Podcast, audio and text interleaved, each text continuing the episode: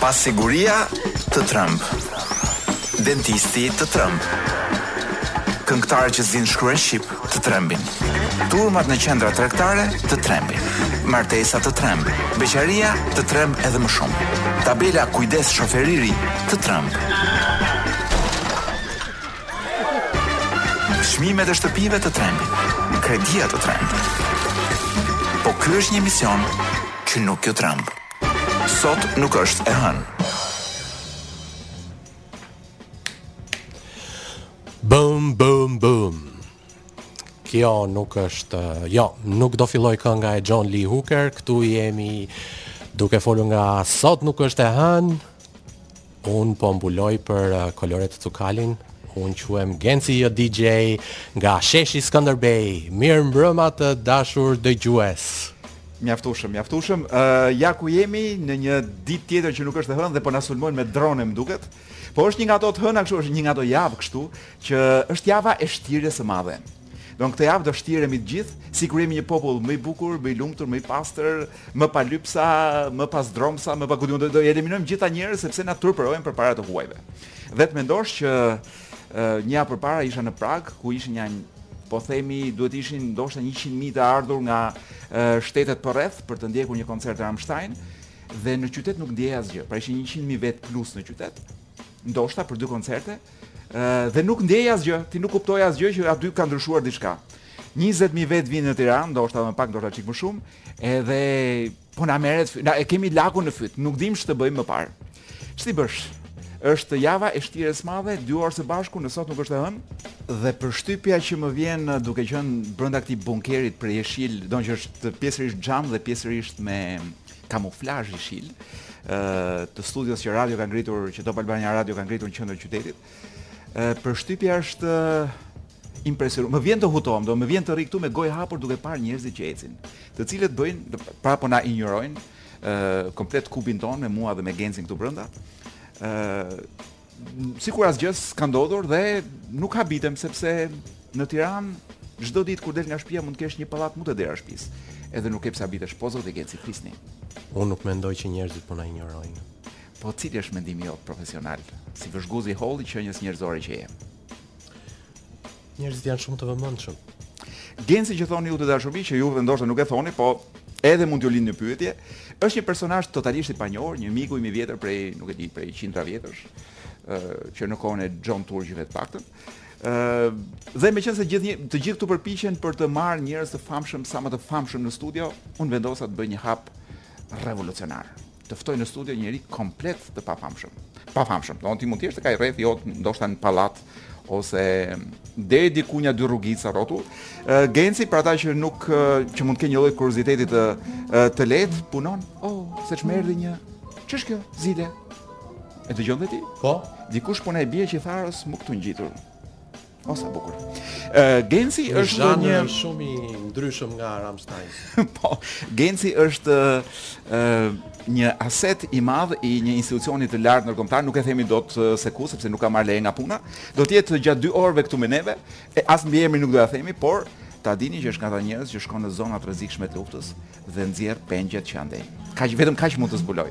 A thashë shumë ndoshta. Ë do të jetë një e, një ndjekës pasivo agresiv i emisionit këtu në studio. Goxha shakaxhi e. Genci do të të lexoj lajmet e javës së kaluar, për cilë, për të cilat ty nuk të bëhet vonë sepse ti nuk jeton në Shqipëri. Oh.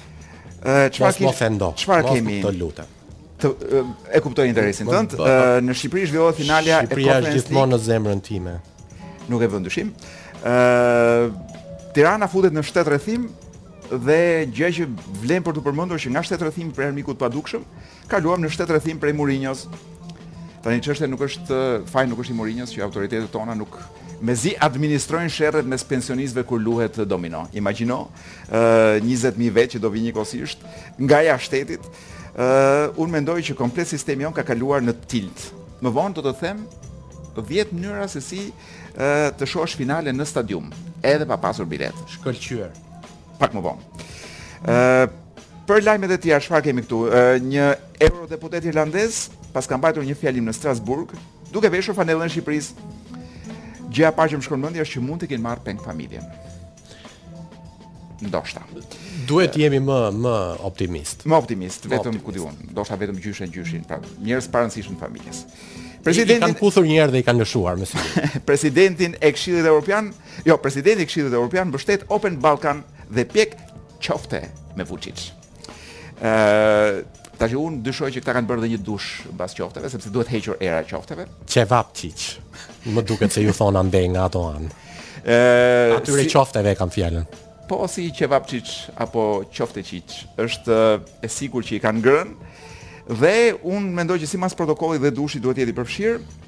Lexoj një lajm tjetër që desh na kishte shkuar pa e kuptuar, do pa e ndjerë, 250 neurokirurgë europianë paskan ardhur në Shqipëri për kurs trajnimi. E ku ka më mirë? Fat, se Shqipëria. Fat. Për do për të trajnuar. Do këtu uh, unë mendoj që mënyra më e mirë për të trajnuar është të gjesh park, të gjejnë vend parkimi. Pra nëse ti arrin të gjesh një vend parkimi në Tiranë dhe të parkosh pa shkaktuar dëme, atëherë ti nuk e ke asgjë të hapësh trurin e, e një qenie njerëzore, domethënë, edhe me sy mbyllur madje. Mbaje frymën. Metaforat. Po po po, po merrja frym prej metaforës që sapo përdore. Atëherë në Gjermani paskemi një situatë të nderë, mungojnë shishet e birrave. Pra hallet tona dhe hallet e Gjermanisë, ë çështja është më mirë të me birrë të mirë dhe don unë do thoja më mirë me birrë të mirë, po pa shishe. S'do ta pishë drejt nga robineti. Tmerr. Se sa këtu që shishet në përgjithësi i mbushin me një si ujë i verdhë, ku di un që pastaj ta bën dhe shkum, është e vërtetë. Ë edhe Bushi paska thënë gjë, s'ka rëndësi kjo e Bushit, Papa Francesku i, i dhimka gjuri. Dhe thonë që po e shëroka me një teke tekila, por nuk e marr vesh, teken e ka me të kthyer apo fërkon gjurin, apo me të ngjyer. Ë Zelenski paska folur në ceremoninë e hapjes së festivalit Kanës, po E pash dhe unë një foto dhe mezi po pres se siç ka vajtur punët mbas Kanës ku mund shkoj tjetër përveç se në festivalin e birrës në Korçë për shembull ose në ndonjë event birraristik në rrethina shqiptare. Kaq për sa i përket lajmeve të javës së kaluar e mbyllim edhe këtë qitap. Dhe do t'ju lëshojmë një këngë, do t'ju lëshojmë një këngë që un me cilën un kam rënë dashuri. E mban mend Jovanotin e dashur Gens? Patjetër. Pa po e mban mend të ri, tash është është bërë burr.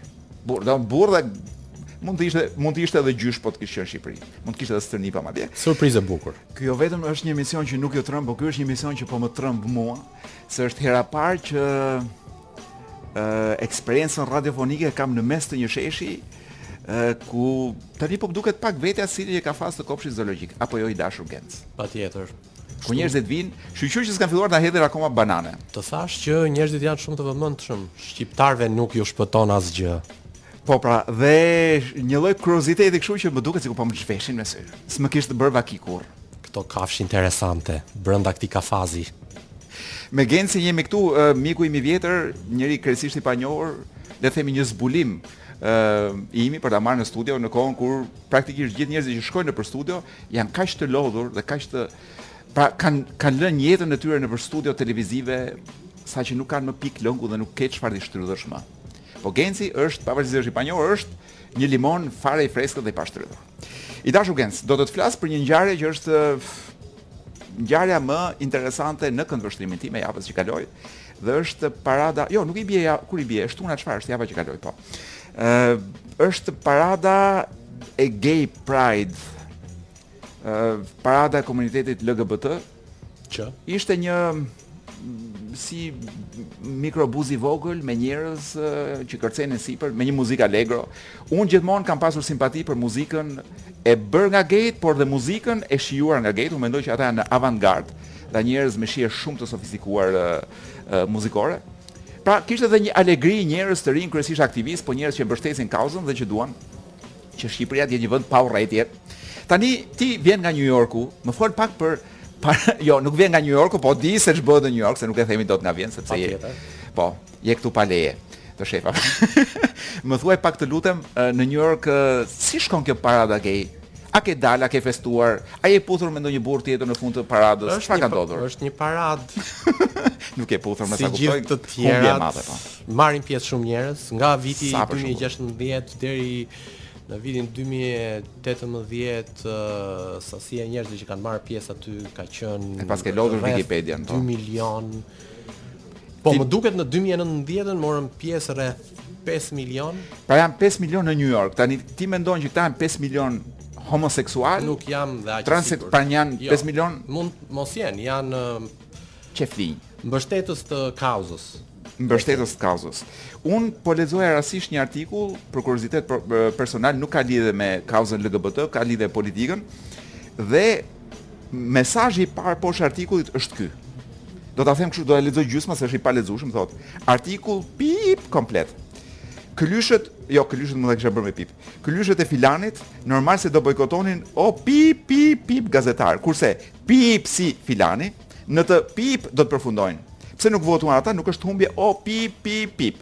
Tani kjo është atmosfera në Shqipëri kur edhe për një ngjarje do thoja unë jo dhe aq të rëndësishme të jetës politike ose një ngjarje që është që mund të ishin votimet në PD, një ngjarje e cila më duket sikur ka ardhur në përmbyllje të një lufte brenda PD-s, dikush është kaq i acaruar sa që merr mundimin të futet të regjistrohet në këtë websajtin ku ishte artikulli dhe të shkruajë gjithë këtë gjë me këtë lloj mllefi.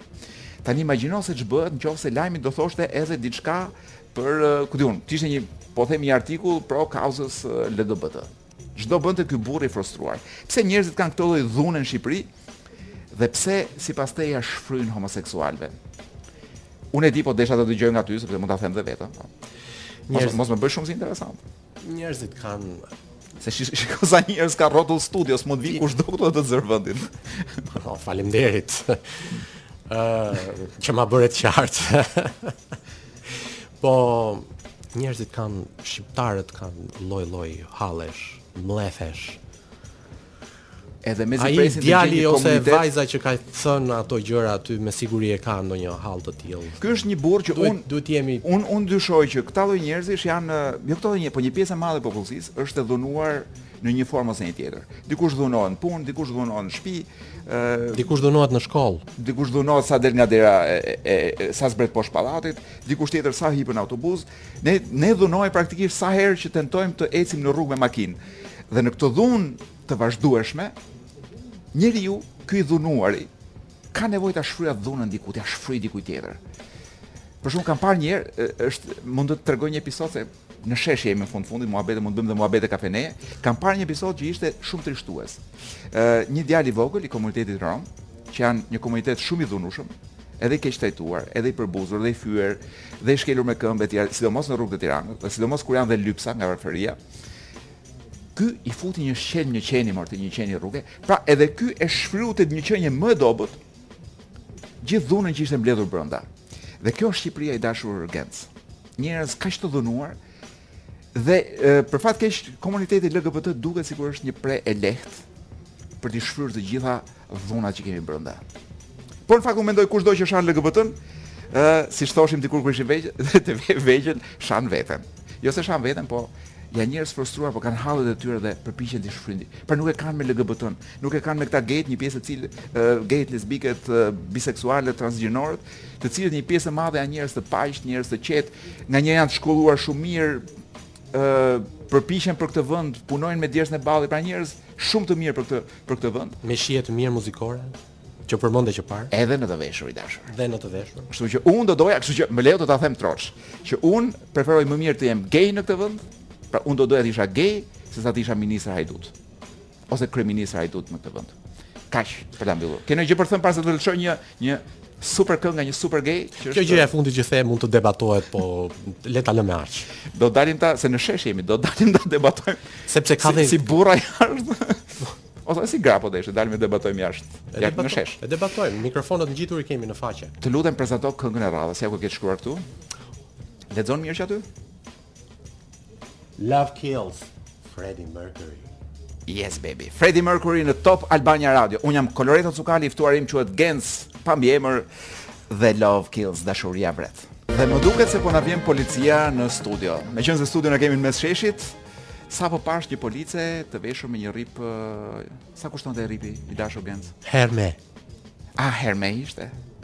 Ë, uh, shpresoj ta ketë origjinal. Ë, uh, studio e radios uh, sot është në mes të sheshit, edhe dje ka qenë në mes të sheshit, edhe pardje m'duket. Ë, uh, unë po të isha po themi 18 vjeç dhe i dashuruar do kisha përfituar nga rasti të shpërtheja brenda dhunshëm, të kapja mikrofonin dhe i thoja ku di unë, Njeriu që do doja t'i thosha të dua, ku di unë se çfarë. Por këtu njerëzit janë shumë të qetë në këtë shesh, nuk e di se si ia bëjnë. Shumë të qetë, shumë të përmbajtur. I dashur Genc, do të të lexoj një pjesë nga libri i javës. Që do lexoj një libër në mes të në mes të sheshit Skënderbej dhe me zë të lartë, s'e kisha menduar kurrë, po ja, gjëra që jeta t'i sjell dhe ti duhet të përballesh me to. Ja ku kemi librin, Libri i kësaj jave është një libër nga Svetlana Aleksjeviç. Është fituese e çmimit Nobel të 2015-s.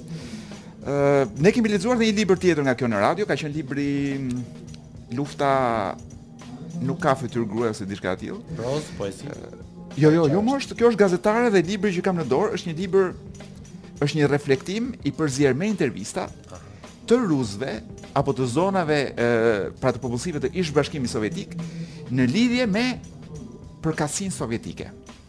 Është një libër që mua po më mrekullon sepse gjë që kam vënë re i dashur Genc është që pavarësisht se kanë kaluar 30 vjet tashmë, Unë m'duket sikur ne nuk e kemi nxjerrë dot atë epokë nga trupi. Pra e kemi brenda. Po t'i shohësh liderët tanë pra kanë mentalitet sovjetik, kanë mentalitet stalinist, politika bëhet në një stil shumë stalinist. Është një përzierje ndërmjet ë turqenisë do thosha unë edhe stalinizmit. Pra ne nuk arrijmë dot shkëputemi nga këto periudha ë ku kemi jetuar. Dhe ky libër që është në një shkallë të madhe Shqipëria po, po Shqipëria po imagjinoje në përmasat e ish-Bashkimit Sovjetik, është, m'duket sikur lexoj gjërat e Shqipërisë. Më duket sikur lexoj tranzicionin shqiptar, gjendjen e njeriut shqiptar sot, faktin që nuk shkëputemi dot nga mentaliteti ë i epokës komuniste, i vjetër, ku di unë, s'e di a mund ta quajmë vjetër apo shumë vjetër, po.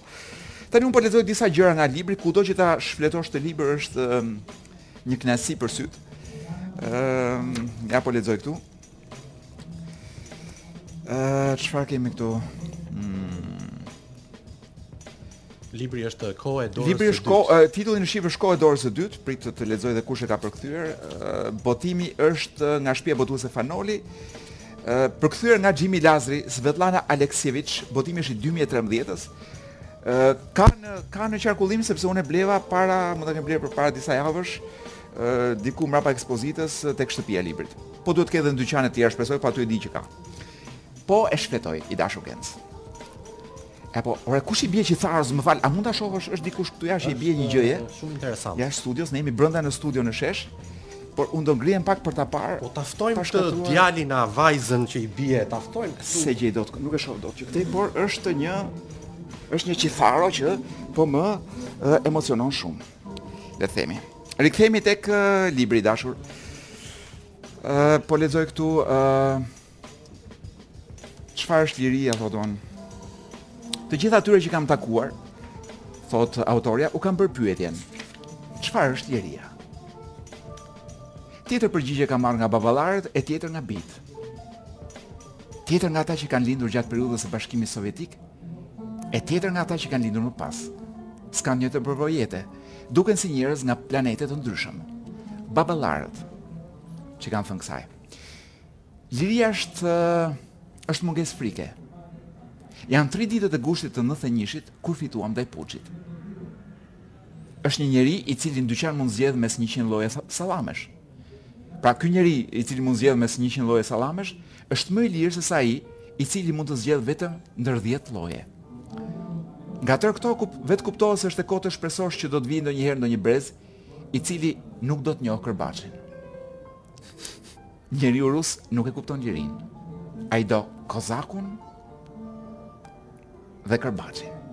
Dhe ja çfarë i kanë thënë bijtë. Liria është dashuri, dashuria e brendshme është vlerë absolute. Ndodh atëherë kur ti nuk ke frikë nga dëshirat e tua. Po pate shumë para ke gjithçka. Kur arrin të jetosh pa vrarë mendjen për lirinë.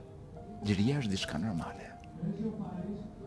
Ore, po dëgjoj, mos vallë dëgjova pak uh, greqisht, nuk e di a vjen fakt për publikun. DJ Wiz, më informon dot, a vinë uh, këto zhurmat jashtë uh, studios uh, për publikun, apo i dëgjoj vetëm unë dhe kur i kom... Ha? Vijnë pak, thotë DJ Wiz. Vazhdojmë leximin. Uh, Udhëtoj me makinë në rajonin e Smolenskut. Në një fshat ndalim para një ushqimoreje, ç'fytyra të njohura. Unë vetë kam lindur në fshat, thotë autorja. Ç'fytyra të bukura të mira dhe ç'jetë poshtëruese e varfër në këto anë. Imagjino ç'rrovjen për shkakun në kokën tënde. Ë uh, Filluam të flisnim për jetën. Për lirinë po më pyet. Pa hë një çikë futu në dyqanin tonë. Votkën e ke si ta duash, standard Gorbaçov, Putinka, vagon me sallam, djathë dhe peshk, bananet sheshit. Ç'liri tjetër na duhet? Pra, kjo është këtu komentoj unë, i dashur Genc. Kjo është liria e zorrës së barkut. Pra nevoja që zorra e barkut të jetë e lirë. Gastronomike. Me një fjalë. Liri gastronomike, po. Boll, ç'liri tjetër na duhet. Boll e kemi kaq. Po toka ju kanë dhënë. Edhe i thotë ky. Imagjino këta e, toka djerë diku andej nga Tragjasi. E kujt ia ka ënda t'i bjerë bretku. Po deshe tokë aty e ke, shko e merre. Te ne vetëm Vaska Krutoj e mori, rri gjithë ditën pas plugut dhe bashkë me të birin tetë vjeç. Ama po punove për të, kaq ta bësh dhëmbin, s'të lë të fusësh asgjë tinës në xhep, sa për gjumë harrove, më fashist se ai burrë s'bëhet më në botë. Të lexoj ndonjë pjesë tjetër. Ah, prit këtu. Ëh. Në vitet 90 po, ishim të lumtur. Naivitetin e asaj kohe nuk do ta kemi më kurrë. Na dukej se zgjedhja ishte bërë, se komunizmi kishte humbur përfundimisht. Në të vërtetë, ishte vetëm fillimi. Kanë kaluar 20 vjet, pra se libri është shkruar para 10 vjetësh. Mos pandehni se na fusni DJ Wiz jemi për ta mbyllur? Ah, te pjesa më e bukur. Mirë, do ta do ta lëmë për për javën tjetër, do të lexojmë prapë nga ky libër. Ë, uh, është e komplikuar. Do të flasim për lirinë pak më vonë, Genci. Ky është një emision që nuk ju tremb, por kur nuk bëhet në mes të sheshit. Apo jo, i dashur Genc. Unë nuk trembem asnjëherë.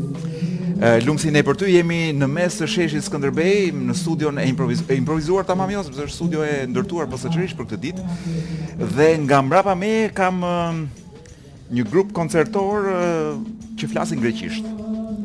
Nga aksenti, nga i mendon ti Genci këta, do të jenë nga Selaniku e poshtë? Të jenë çuna të Janinës?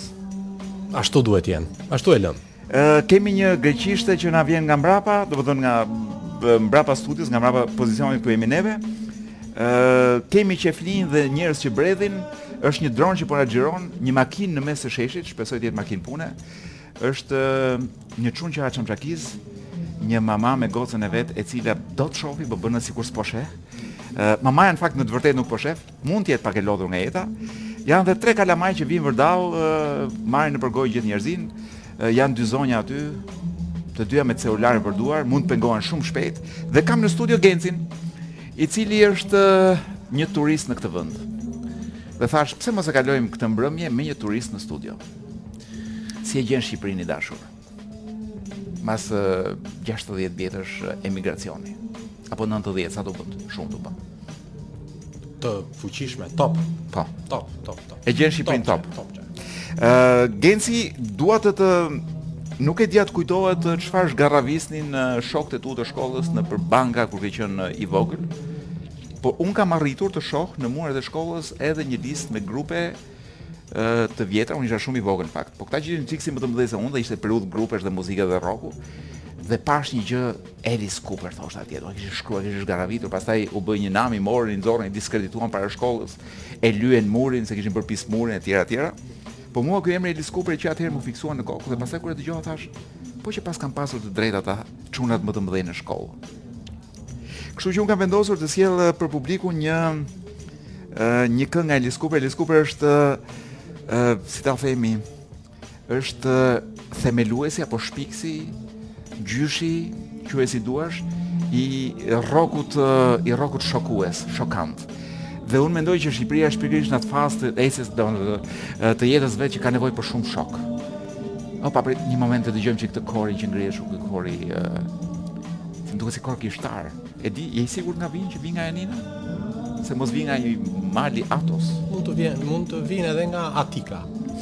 Uh, Alice Cooper do t'ju vi tani është si thash një nga unë kam pasur fatin që ta shoh ishte 115 vjeç, nuk e di se sa kur e pash, thash ta shoh edhe një herë para se të vdesi. E pash në në në në koncert Edhe ishte hidhej përpjetë mor ti si një djalosh tridhjetë vjeç. Nuk e di ç'i kishin bërë dhe nuk e di ç'kishte marrë. Kishte një kitariste bjonde që ishte shumë e, ishte shumë e re dhe gjithë energji. Kishte prerje kokash, kishte gijotinë, ekzekutoi vetveten pa një show horror dhe, dhe shoku një makabritet shumë i lezetshëm për sytë tonë. Që vijmë nga Shqipëria dhe ça s'na kanë parë syt. Po ajo ishte kështu një mrekulli për syt. Tani do të lëshoj një këngë që unë s'e kam dëgjuar ndonjëherë, të luhet nëpër radio shqiptare, mund ta ketë luajtur Goldi ndonjëherë, po s'besoj në një radio tjetër. Ë është një këngë e 91-shit. Pra kur ne donim të mësonim ç'është bota, sa kishim dalë nga komunizmi, Alice Cooper bënte këtë lloj muzike. Spark in the dark në Top Albania Radio. Sot nuk është e hënë. Sot nuk është e hënë dhe ne jemi duke transmetuar nga sheshi Skënderbej. Në studio kam uh, Gencin. Ë uh, një nga njerëzit më interesant që kam takuar gjatë jetës time. Nuk e themi dot se çfarë punon dhe ku punon, sepse janë gjitha top secret. Ë uh, dhe mbi gjitha Më ka thënë mos e thuaj në radio që nuk ka marrë leje në punë për të dalë sepse është punon në një vend ku i duhet dhe të marrë leje. Kështu që unë më duhet t'ju them që ai ka marrë leje në punë. Pra mos mendoni që nuk ka marrë leje në punë. Dhe kemi qëlluar që këtë emision e bëjmë pikërisht në javën greke, sepse sapo lexuam këtu në shesh që kjo javë qenka java e kulturës greke. E kulturës greke. Dhe prandaj ju mund të dëgjoni greqisht edhe muzikë greke në sfond, Sepse pikërisht në shesh ndërkohë që bëhet emisioni, po këndojnë një grup prej nja 20 vetash. Ca këndojnë, ca u bien qemaneve. Nja 2-3 janë dhe me kitarë. Pashë dhe një sirtaki atje. Kështu pra në këtë atmosferë të këndshme një burrë me biçikletë desh na u përplas këtu në sepse kështu është kur në studio sepse fliste në telefon kishte vënë dhe syze të zeza të errta, sigurisht për të mos parë realitetin. Kot më desh na desh na u hodh si si kamikaz në studio. Unë i dashur Genc do të tregoj, meqenëse është dhe ndeshja finale e Conference League Roma Feyenoord, unë do të tregoj ty edhe publikut që ndoshta po na dëgjon, 10 mënyra për të pra për ta parë finalen në stadium pa pasur biletë. Je gati? Shumë interesant. Patjetër. Mënyra e parë duke qenë arbitri i ndeshjes. Tu doj. Ah. Nuk ke kohë, nuk ke kohë. Ë, uh, mënyra e dytë për ta parë ndeshjen në stadium pa biletë. Duke patur emër të njëjtë me një patronazhist të rastit. Dhe pra përfundon pas porte duke kapur topat. Pra, patronazhistat në këtë rast, unë besoj që do shfryzohen uh, për të vetmen gjë që dinë ta bëjnë mirë të kapin topat. Ë, uh, duke u mbushur mendjen autoriteteve se je përkthyesi i Mourinhos. Një mënyrë tjetër për të parë ndeshjen pa biletë në stadium është duke sakrifikuar një qengj në muret e stadiumit. Pra, perëndive gotike apo ku di unë. Ti kujt perëndie i falesh i dashur? Të lë policia të bësh këtë gjë? Për therje qengjash e kështu më? Po. O, oh, ther mes sheshit. Ti thua Po s'ke faj se ke kohë që ke ikur. Ë uh, një mënyrë tjetër për ta parë uh, ndeshjen në stadium është duke qenë shoferi ose stafi i ambulancës së uh, stadiumit. Ë uh, një tjetër mënyrë është uh, duke bërë portretin e e presidentit Duka në një arë me grurë në Shkozet. që është që ata të gjithë do ta interpretojnë si një shenjë nga lart. Ë, një mënyrë tjetër është duke i mësuar klarinetën një tifozi holandez në këmbim të një bilete. Unë dyshoj që unë mendoj që holandezët ë në të vërtetë para se të jepnin një biletë do kishin dhënë një pjesë nga trupi i tyre. Një mënyrë tjetër është duke u fshehur në sqetullën e Totit. Unë besoj që policia policia shqiptare nuk do ketë kurajë të kontrollojë në trup. Totin. Por dhe për kontrollin në trup jo deri te sqetulla. Sqetulla. Kjo duket një metodë vërtet vërtet funksionale. Nuk e dija që sqetullat e Totit të ishin të një mase të tillë. Ose duke qenë teknik për masa të tilla. Dhe dhe dhe mënyra e fundit se si mund ta shohësh në stadium pa bilet këtë ndeshje, është duke qenë teknik i sistemit të spërkatjes së fushës. Me pak fjalë, ë, nëse je shqiptar dhe do të jesh në stadium, Mund të jesh atje, do më vetëm tifoz futbolli nuk duhet të jesh. Që pra kush do kush do të jetë do jetë në stadium. Njerëz që kanë gjetur bileta nuk e di se si do jenë gjithë në stadium, por jo ti që je tifoz i vjetër i Feyenoordit. Mban mend që kur ishe 5-6 vjeç, domethënë fjala po, parë 5-6 vjeç, fjala e parë që kam thënë. Mami, babi, gjyshe Feyenoord, kështu i ke pasur katër fjalët e para në jetën tënde. Po, po, patjetër. Bei mir bist du schön Ke një kurajo të jashtëzakonshme Please let me explain Unë për shembull do, nuk do kisha kurajo të tentoja të këndoja në, në radion kombëtare do, në, Një nga radiot më të dëgjuara në Shqipëri Përveçse po të isha 100% i bindur në performancën time Faleminderit, faleminderit uh, Mund ta përkthesh pak dhe këngën meqenëse je një Një dashnor i vjetër i gjuhës Gjermane Bei mir bist du schön është do të thotë diçka si uh, unë mendoj që je e bukur. Ti mendon që kjo këngë këndohej gjatë ose periudhës... je i bukur, varet se kush e thotë. Gjatë periudhës së Rajhut të tretë. Ë uh, se më ngjan si një këngë shumë e vjetër gjermane që e kanë marrë dhe pastaj kanë futur ca zbukurime këtu. Ashtu ngjan mund ta kenë zbukuruar tani, nuk jam specialist i kanë futur pak elektro muzikës, po mund të Ngjan bukur, këndohet. Këndohet. E rëndësishme është që kënd, mund të këndohet. Është nga ato këngët që këndohen. Ka plot këngë që nuk këndohen dot. Lum si ti që mund ta këndosh një këngë gjermanisht, unë dua të qaj një hall që është po themi ne gabimisht e konsiderojmë si një hall gjerman. Mm -hmm. Dhe kjo ka të bëjë me fashizmin.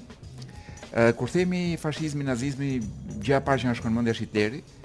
Unë mendoj që është shumë e gabuar. Një nga, një nga arsyet pse më shqetëson kjo temë është që unë mendoj që po jetojmë në kohë kur fashizmi është te dera në gjitha format e mundshme. Është gjallë dhe sot. Dhe po lexoja një artikull të gjatë të Timothy Snyder. Timothy Snyder është një historian filozof. Ne kemi lexuar dhe një libër të tij të tij në radio përpara një një viti e ca. Është një njohës i mirë i diktaturave dhe sistemeve autoritare në botë. Ka shkruar një artikull të para disa ditësh në New York Times ku thotë Duhet ta themi me zë të lartë është titulli. Rusia është fashiste. Sepse ndryshe se ne mendojmë fashizmi Hitleri, domethënë po s'ka lidhje dhe ky ka gjetur dhe në këtë artikull ky rreshton një sërë uh, arsyesh dhe paralelizmash. ë uh, e para thotë uh, bëjmë shumë gabim thotë që mendojmë që fashizmi është vetëm Hitleri, është vetëm Hitleri. Fashizmi thotë ka lindur në Itali, por ka qenë shumë popullor dhe në Rumani, imagjino.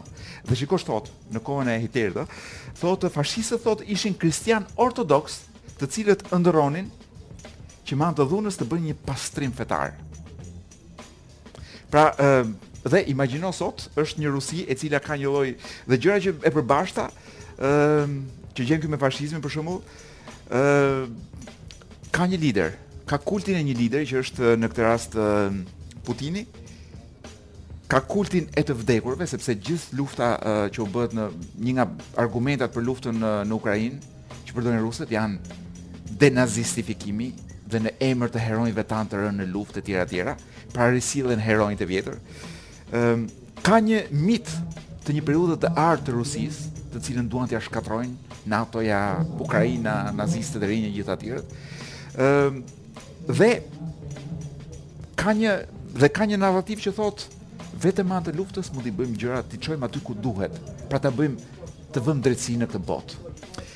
Ë dhe është shumë shqetësuese sepse unë shoh forma fashizmi edhe në ekonomi, Dhe format fashiste të ekonomisë po i shohim lart e poshtë. A mund të dalësh pak të lutem nga studioja dhe të shohësh vërdall në sheshin në këtë shesh? Do shohësh nga të gjitha anët forma të ekonomisë fashiste që janë instaluar tashmë në këtë vend. Kështu pra i dashur Genc, në sytë e tu vendosa ta bëj këtë hap të madh dhe ta quaj Rusinë një vend fashist. Mirëpo gjëja që mua më habit dhe këtu ndoshta ti mund të më japësh një mendje të mprehtë. Siç e ke ti domethënë. Ti e ke mprehur mendjen para se të vish në studio apo jo? Patjetër. e kam mprehur si gjithmonë, domethënë që merr atë shajakun e vjetër dhe fish fish fish fish. Ehm pse ka shumë shqiptarë që kanë një lloj dashurie për Rusinë, për Putinin dhe dhe kanë vendosur t'i besojnë narrativës së Putinit për luftën. Kemi, mos vallë kemi një, një diçka prej skllavi brenda.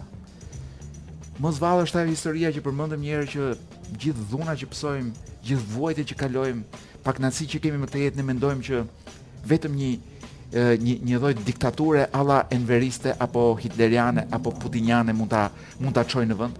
Dëgjoj vazhdimisht njerëz që thonë akoma sot e, sot e kësaj dite ngrihu Enver ngrihu.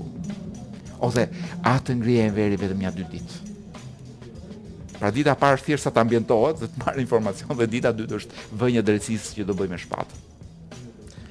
Pa a mund ti me një fjalë ose me një fjalë të vetme ë të ma shpjegosh se pse shqiptari është kaq meqenëse për ata që po na ndjekin, Genci ka studiuar dhe filozofi në në në një nga stadet e veta shkollore dhe arsimore.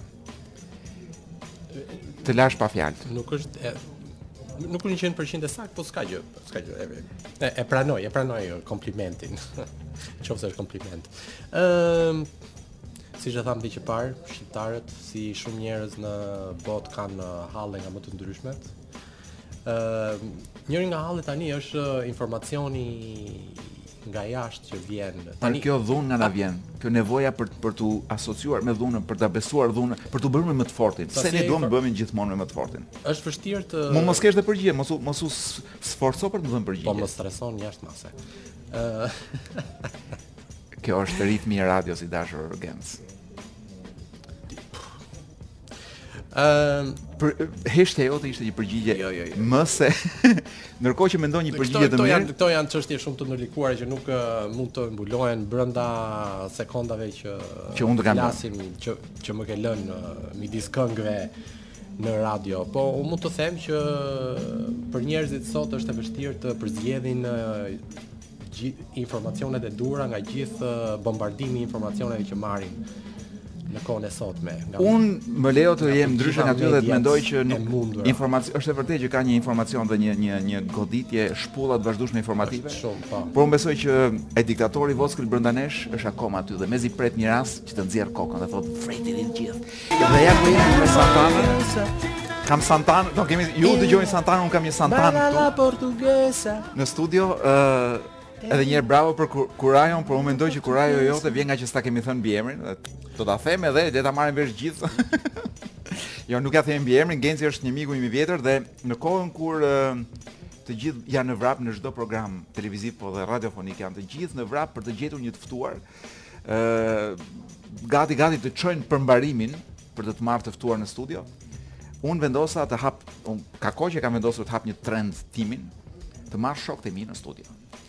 Pra të mos rend mas vipave dhe unë mendoj që e, ka shumë njerëz që janë shumë interesantë se gjithë vipat në qarkullim, po që nuk u jepet mundësia asnjëherë që të vinë dhe të marrin pjesë në studio radiofonike. Gens faleminderit që ishe sonte me mua.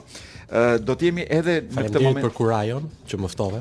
ne nuk thamë asgjë për ty, praktikisht as as ku punon, as ku jeton. Ne tham shumë. duke mos thënë asgjë. Uh, un dua që para se të ikim të diskutojmë bashkë një çështje që është me rëndësi kardinale për Shqipërinë. Është një çështje seksi. Ë uh, po lexoja këtë revistën online Paired Life. Ë uh, kishte botuar një listë me 200 vendet më të mira për të bërë seks në mënyrë që të shtohet aventura seksuale, pra dhe eksitimi. Pra vende ku ti mbasi je mërzitur me stilin e misionarit në krevat për 40 vjet rresht, thua çfarë të bëj një gjë tjetër, shfleton këtë revistën e tak ke 200 ide. Unë do t'i lexoj të gjitha derisa DJ Wiz të na presi gjuhën, do të na presi zërin në në studio. Po filloj. Ë, uh, pra është listë, nuk e kam shpikur unë, po po e përkthej nga anglishtja direkte Më korrigjo ose më plotëso. Kemi kufi, ka fëmijë që dëgjojnë këtë emision, nuk e dimë. Mund të ketë, por s'të bëhet vonë. Ti kërcet dhe ikën nesër edhe nuk je më në Shqipëri, kështu që gjithë burgun do ta ha unë për ty. Vendi i parë, kudo në shtëpi përveç dhomës së gjumit. Dhe kush e ka thënë që dhoma e gjumit është vendi për seks? Un për shtëpitë me bodrum për shembull, ose po mua sidomos për shtëpitë që kanë atë atikun e famshëm, ë uh, un mendoj që ofron një një opsion shumë të mirë. Çatia është një vend i bukur mendoj un, por nuk e di uh, do pak uh, elasticitet, po edhe pak atletizëm nga ana performuese. Ë uh, një vend tjetër në një në një ujvar Nëse ai tingulli gjërat, por po kujdes, uji, ka disa mite për ujin, uji është pak i rrezikshëm. Uh, unë mund të them vetëm një nga mitet, kondomet nuk funksionojnë, pra prezervativët nuk funksionojnë në ambjente ujore. Pra, rezistojnë shumë pak. Kështu që mos mendoni që mund t'i bëni të dyja, dhe seks të mbrojtur edhe ujvarën. Edhe ato që e kanë lubrifikantin me përmbajtje ujore? Të gjitha ujvara t'i heq të gjitha nga trupi. Keni parasysh. Ë, në majë të një tavoline kuzhine. Në majë të makinës larse, në dhomën ku mbahen dosjet në punë. Në qoftë se dhomë, në qoftë se puna juaj ka edhe një vend për dosjet. Dosje. Ë, në shtëpinë tuaj të pambaruar, ku punëtorët ndoshta po punojnë dhe dhe, dhe po shtrojnë linjat, po shtrojnë kabllat nga dhoma tjetër. Tu tu tu tu. Ë, ose në shtëpinë e dikujt tjetër të pambaruar. Kjo mund të jetë dhe më interesante. Ë, Në një fushë të hapur, ndërkohë që ka mjegull në zyrë, unë besoj që këtu shqiptarët janë ekspertë, sepse kam dëgjuar që ë uh, 67% e seksit që konsumohet në Shqipëri konsumohet në zyra dhe jo në krevat jo jo, domethënë pas në shpi. Ka statistika artikuj për këtë? Jo, i kam nga përvoja ime personale, nga bisedat me njerëzit.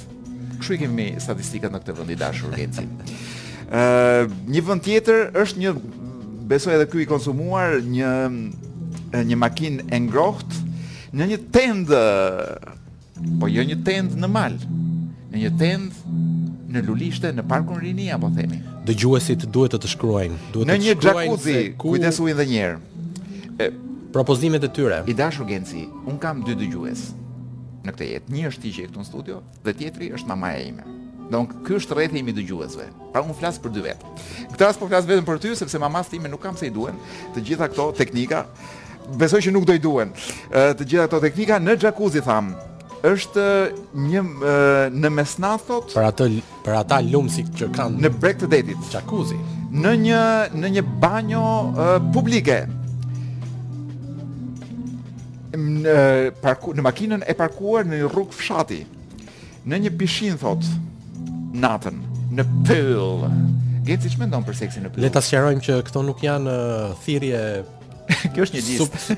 Këto nuk janë sugjer, sugjerime për për revolucion qytet, seksual. Për për qytetarët të thyejnë ligjin. jo, un po mendoja në pyll, i vetmi rrezik është që nëse ka shumë errësirë ti nuk merr vesh, domethënë në vjen një moment që s'merr vesh kush është aty me ty. Mos është dhe arusha dhe jeni, si me thën tashmë, jeni në tre. Uh, vazhdojmë listën shpejt e shpejt në kopshtin mbrapa, ne s'kemi kopshtin mbrapa, në një sleeping bag thot, në një nga këto thasët për fjetur në yje. Në majë të malit thot, pak para se të fillojë të të gdhijë. në palestër, se ku në palestër nuk e specifikon kjo lista. Në port, por jo në portin e Durrësit do thoja unë, në një parti plot me njerëz, thot, në korridorin e një shtëpie ku bëhet një parti në guzhinë, në korridorin që është si errët. Çfarë kemi tjetër këtu,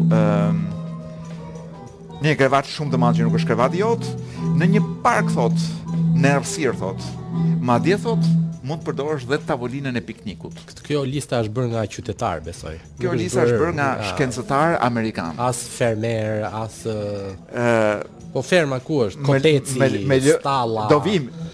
Numri 30 është stalla, numri 29 është në një zonat rurale. Në një vend peshkimi, në një nga këto doket e peshkimit thotë. Ë numri 31 në dhomën e gjumit të të prindërve. Në një krevat uji, në një dhomë gjumi ku ti ke fjetur dikur kur ishe fëmijë, në banjon e një aeroplani. Pra, që ta çosh aeroplanin, si më thënë, ta ngresh dhe më lart. DJ Wiz, është fundi ky? Mirë, DJ Wiz, unë do vazhdoj me listën momentin që ka Që ka arritur koha e duhur, thjesht na e pri zërin dhe lësho Ramstein me Amerika. Do të çoj publikun do ta çojmë në Amerikë me Ramstein. Vazhdojmë. Ë në një limo, në pjesë do në në, në sedilin mbrapa të një limoje. Në një në një motoçikletë në majë të kalit. Në metro që s'kemi për fat të keq. Në taksi mbrapa. Në vendin ku ndalojnë makinat në autostradë. Prap, ky nuk është në një bar. Këto nuk janë sugjerime për të thyer ligjin. Ë në një në një kinema. Ë në shkollë, në banjot e shkollës, në palestrën e shkollës, ë në banjot e kampingut, ë në një motel, ë në dhomën tënde të pritjes me të gjitha dritaret hapur ditën në një oh duke parë një koncert këtu në mes të sheshit Skënderbej po çastit apo çfarë kemi tjetër këtu brenda një shtëpie të vjetër të braktisur në një koncert rroku që nuk është ky koncert që është tashmë në shesh në një në një stallë thamë në një trampolinë pak para se të hidhesh në ballkonin e hotelit, në një dhomë me me perde të hapura, ë në një pyjore, në një far, në një serrë, ë Amerika me Ramstein ikëm neve.